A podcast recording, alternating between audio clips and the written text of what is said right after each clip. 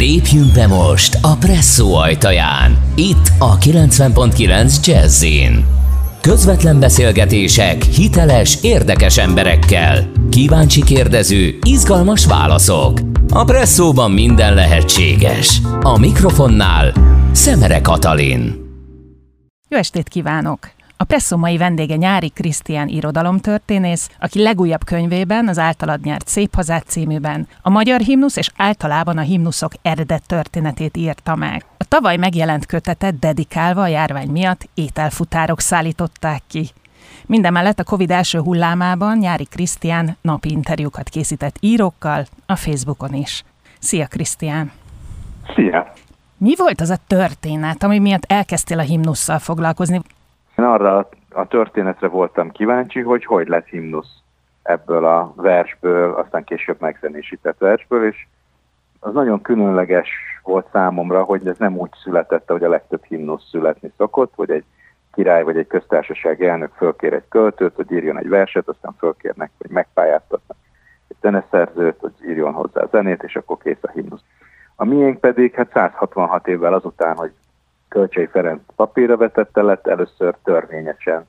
Magyar himnusz 1989-ben. Ez egy nagyon furcsa út, hiszen igazából a mindenkori politikai rendszer, hatalom ellenére eh, lett ez himnusz lépésről lépésre, tehát meg kellett küzdenie ezért a helyér más dalokkal, hazafias énekekkel, sokszor tűnt úgy, hogy eh, elbukik a versenyben, és Hát valamikor réges-régen, amikor én még irodalomtörténészként dolgoztam a Pécsi Egyetemen, akkor a himnusz keletkezésének időpontjának irodalma, magyarán a 19. század elejének magyar irodalma volt a kutatási területem. Hát úgy gondoltam egy kicsit a saját gyönyörűségemre, hogy, hogy ezt megpróbálom úgy elmesélni, hogy azoknak is jelentsen örömet vagy szórakozást, vagy új információkat, akik egyébként nem irodalomtörténészek, nem történészek, nem, nem egy szakmai közönségnek, hanem a nagy közönségnek szól.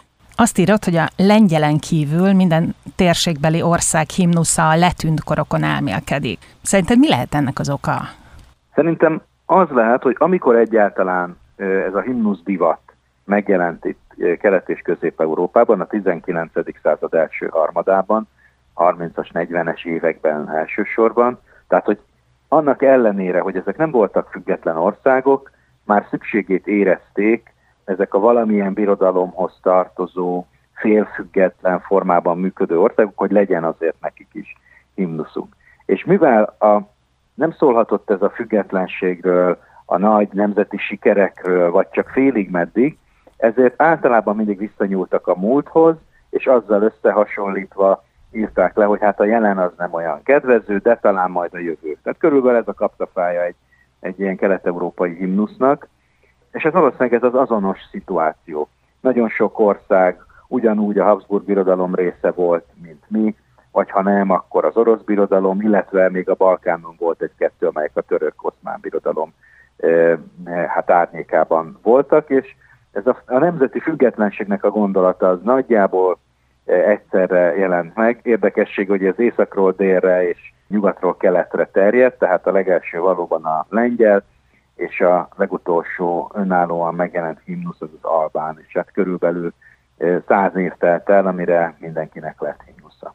A szózat sokkal nagyobb sikert aratott a magyarság körében, mint a himnusz. Mégsem kapta meg ezt a nemzeti hivatalos himnusz státuszát. Ugyanakkor, mint írott, Finn és Észtország himnuszának köze van Vörös Marti szózatához. Szerinted mi lehet a szózat népszerűségének az oka, és miért nem ez lett a nemzeti himnuszunk? Hát részben ez sokszor véletleneken múlik. Az biztos, hogy akkor, amikor 1843-ban a, a Nemzeti Színház igazgatójának, Bartai Andrásnak eszébe jutott, hogy hát meg kéne zenésíteni hazafias verseket, hogy nekünk is legyen olyasmi himnusz féleségünk, mint ami például az osztrák császári himnusza Gotterháte, vagy az angol királyi himnusza God Save the King, akkor először a szózat jutott eszébe, nem véletlenül. Ez egy nagyon ismert vers volt a saját korában, azt is tudjuk, hogy a megjelenése után néhány évvel megzenésítették többen is. A kotta nem maradt fönn, csak ez az információ, hogy ezt énekelték. Ez egy nagyon egyértelmű politikai üzeneteket tartalmazó vers, hát kis túlzással Vörös Marti Mihály egyszerűen versbeszette Széchenyi István Stádium című politikai programiratát. Ennek is tartották. Olyannyira, hogy Széchenyi maga meg is tanulta a szózatot, sőt a, a magyar, e, magyarul éppen akkor tanuló felesége is elszavalta a vendégeknek, tehát nagyon fontos volt ez politikai értelemben is. Szemben egyébként a himnusztalon sokkal kevésbé ismertek ki, Kölcsének ez egy kevéssé ismert verse volt, és ez így volt az egész térségben, tehát ezt a, ezt a verset utána többen lefordították, megjelent cseh, német, lengyel és egyéb térségbeli nyelveken, és aztán pedig svédül is.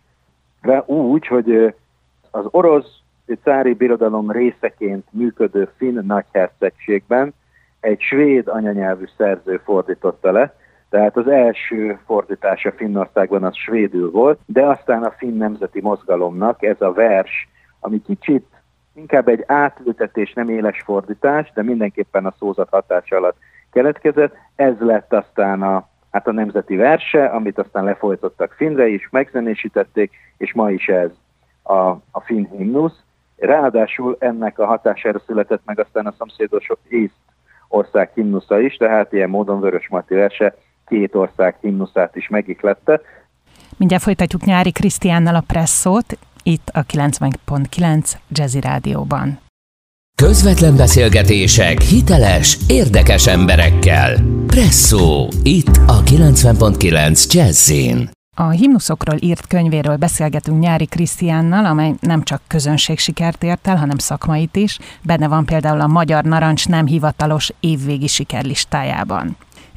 Ugye a himnusz hallatán a millennium óta felállnak az emberek. Szerinted, ha a himnusz elhangzik egy színházi előadásban, például az István a király című rockopera végén, akkor föl kell állni?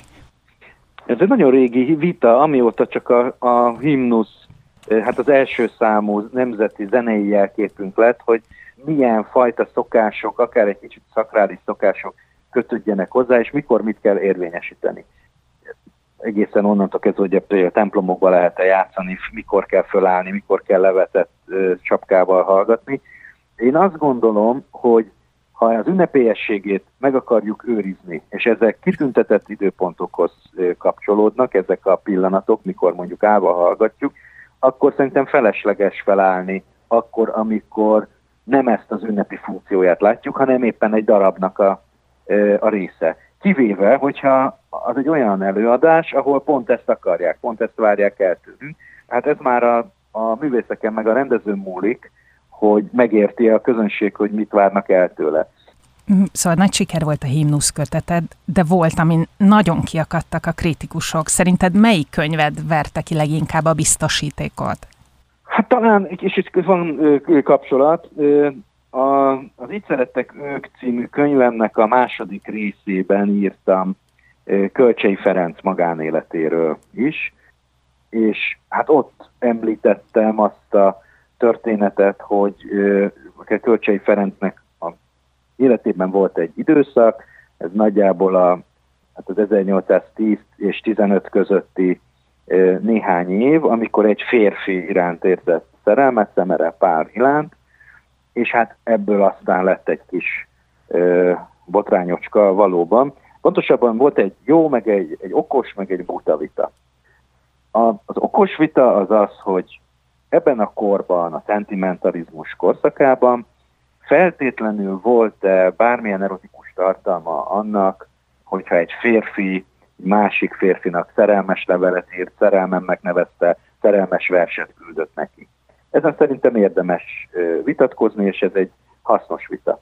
És volt egy buta vita, ez pedig az, hogy meg lehet-e írni egy ilyen történetet a himnusz költőjéről. Mert hiszen miért ne lehetne.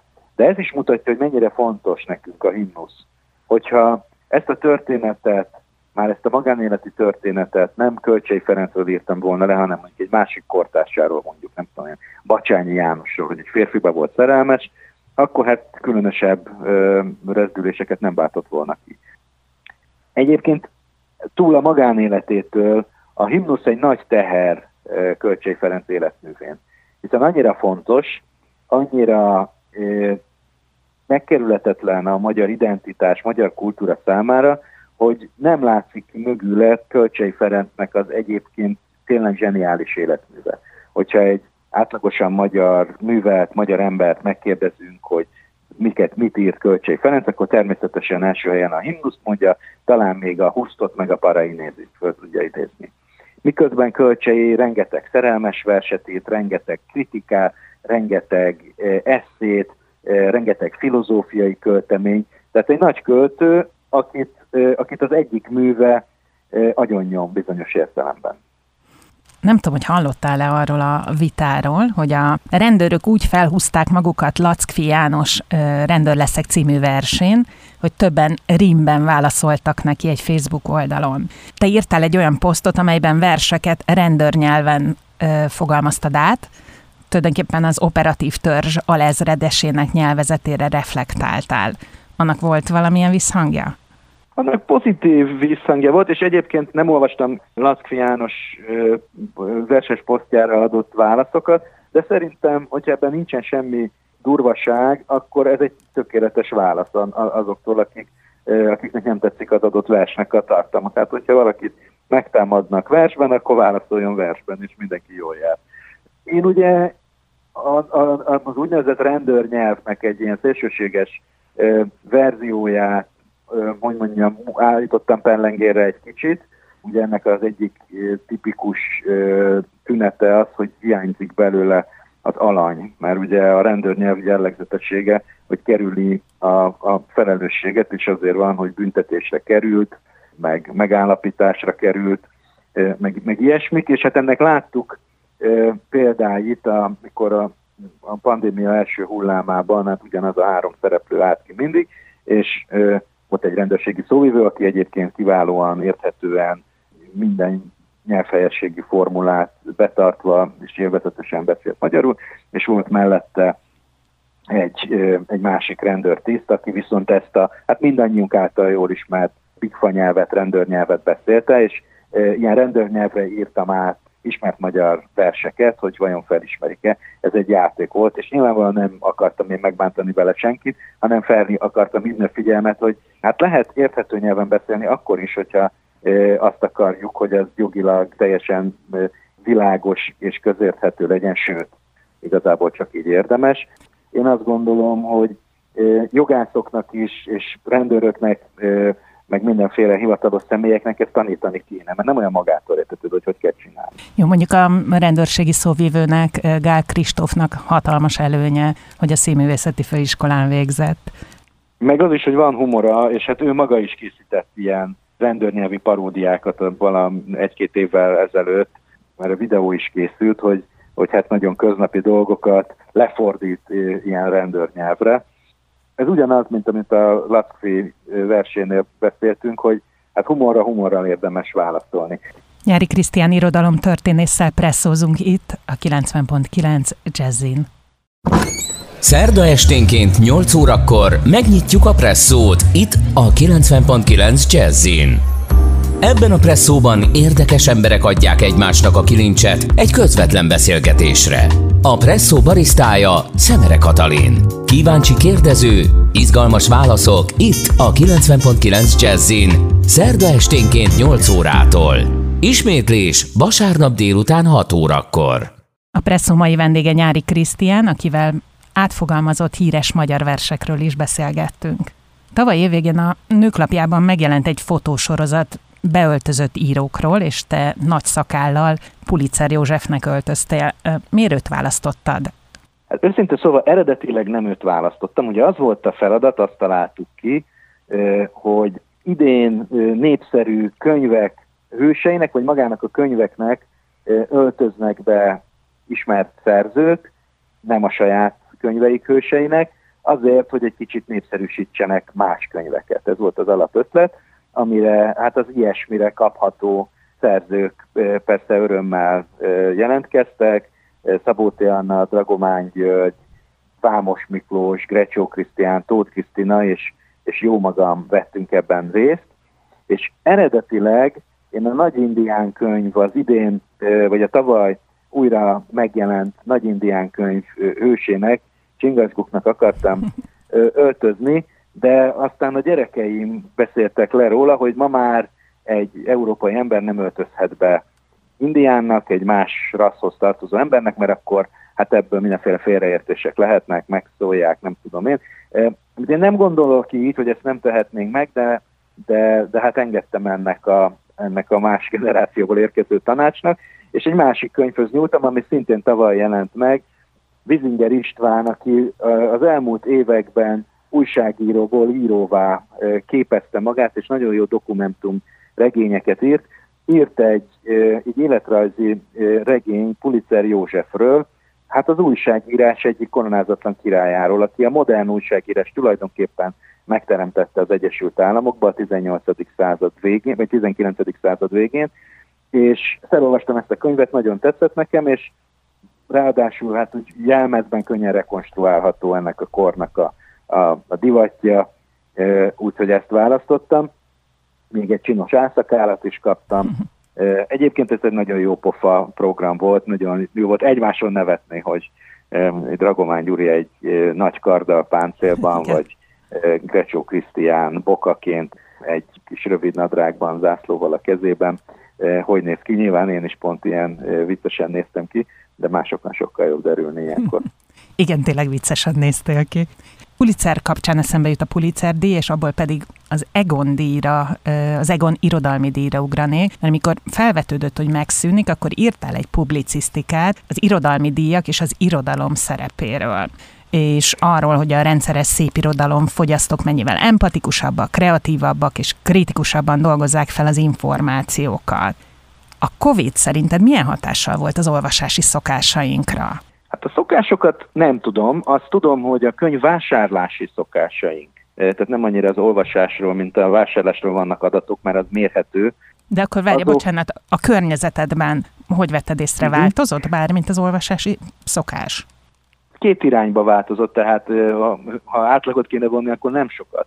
De vannak olyan ismerőseim, akik sokkal többet olvasnak, és vannak, akik sokkal kevesebbet, mert ugye azt gondoltuk, mikor ez elindult, hogy majd a home office az rengeteg szabadidőt terem, de hát az derült ki, hogy sokkal kevesebb szabadideje van az embereknek.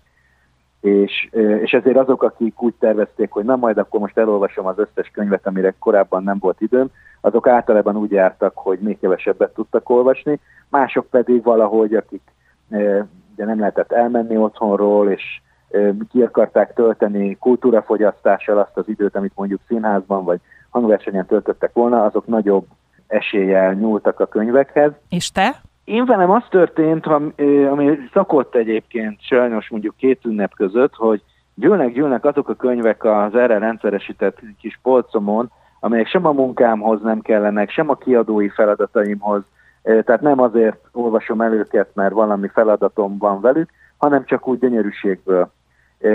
És mindig azt tervezem, hogy majd a két ünnep között, majd nyáron, és sosem tudok annyit elolvasni, mint amennyit szeretnék. Na ez volt nekem a tavalyi évem, hogy például, amit említettél, hogy tavasszal csináltam egy beszélgetés sorozatot írókkal, hogy hogyan töltik az idejüket a koronavírus alatt, ahhoz én például mindig olvastam az ő műveikből, ami persze nagy öröm volt nekem, de ezek nem azok a könyvek voltak, amiket az elmúlt években félretettem. Hamarosan visszatérünk nyári Krisztián irodalom történésszel a Presszóba, a 90.9 Jazzy Rádióban.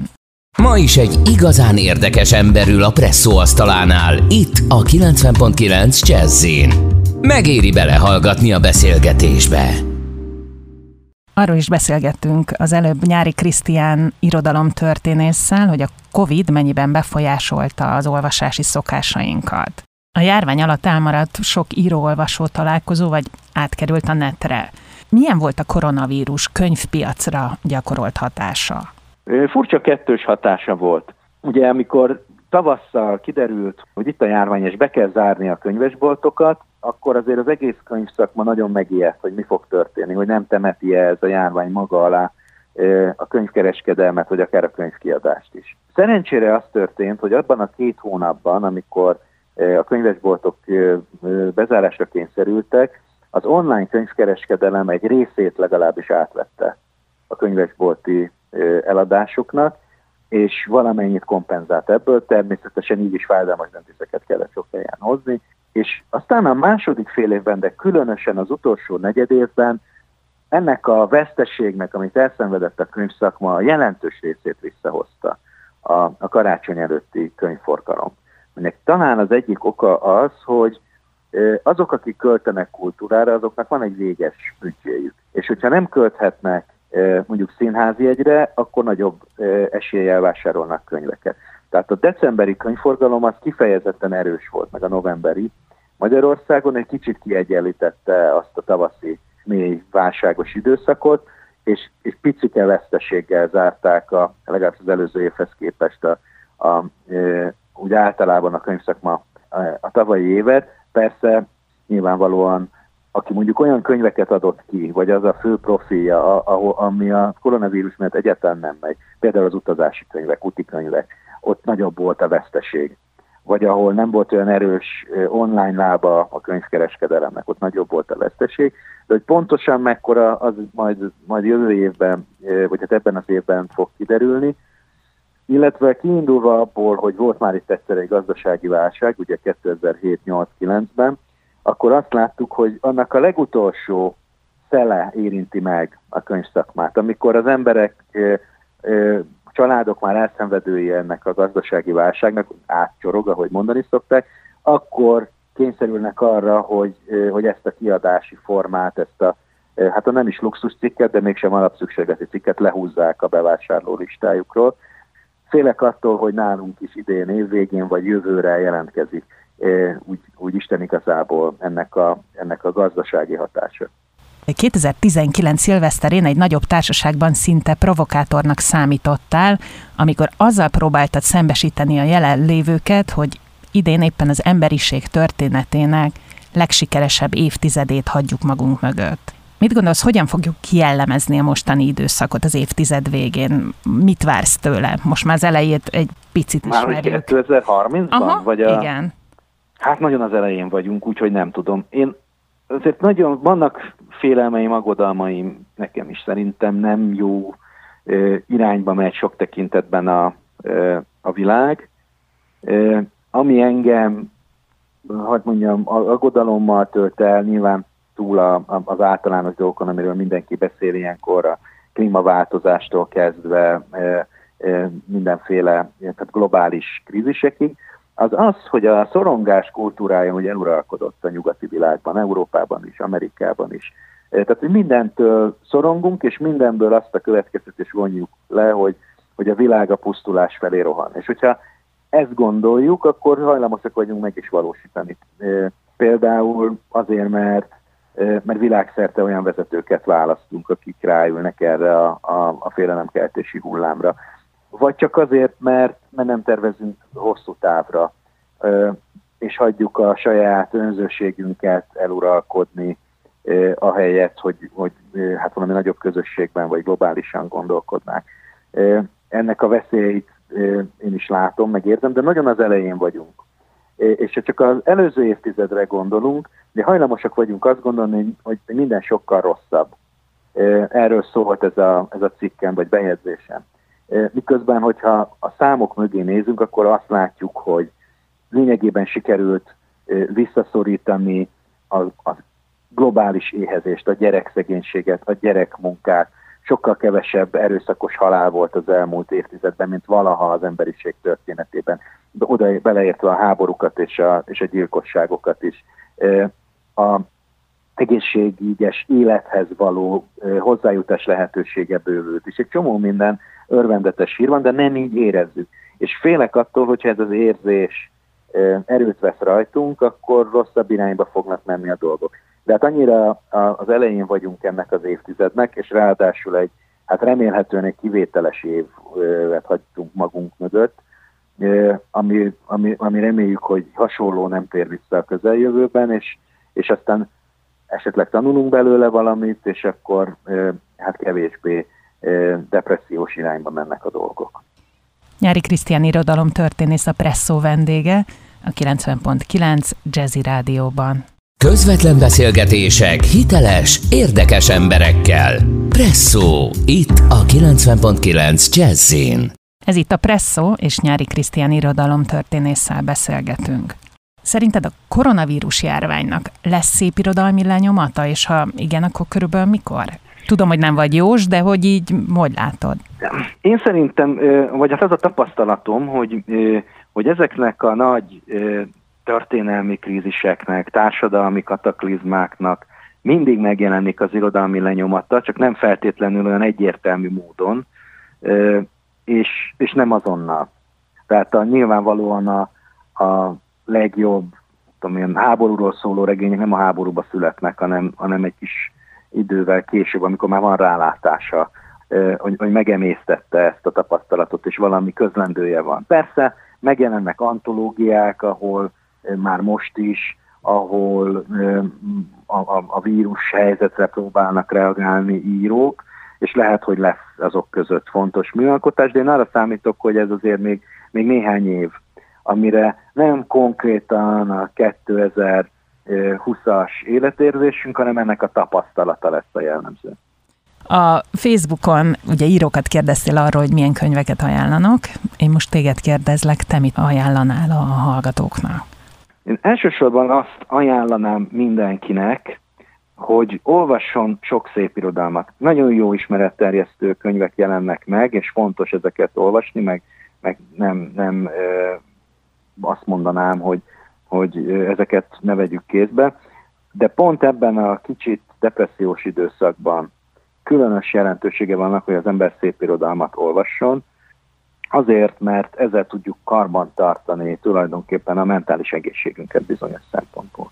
Mert meg egy másfajta gondolkodást segít, ami hozzájárul a kreativitásunkhoz, az empátiánkhoz, a probléma megoldó képességünknek a, a, a fejlesztéséhez. Ezeket egyébként tudományos kísérletek igazolják. Tehát én inkább azt mondanám, hogy mindenki találja maga kedvére való szépirodalmi olvasmányt, akár novellákat, akár regényt, akár verseket, és akkor is, ha úgy érzi, hogy nincs hozzá türelme, nincs hozzá kedve, nehéz napja volt, próbáljon rászállni csak 15-20 percet, mondjuk lefekvés előtt. Úgyhogy kikapcsolja a digitális betűket ránk zúdító kis készülékeit, hogy félreteszi. És lehet, hogy az elején nehéz lesz. Ez ugyanolyan, mint amikor valaki már 20 éve nem sportolt, és most újra elkezd mondjuk kocogni, vagy tornázni. Az eleje pokoli.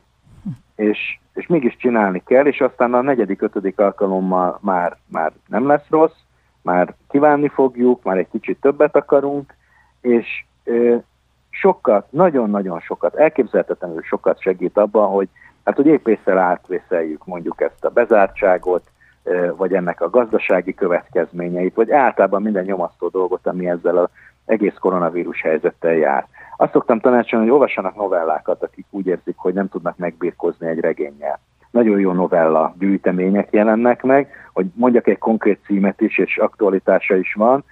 Jövő héten lesz 75 éves Bereményi Géza, és ennek alkalmából megjelennek az összegyűjtött novellái.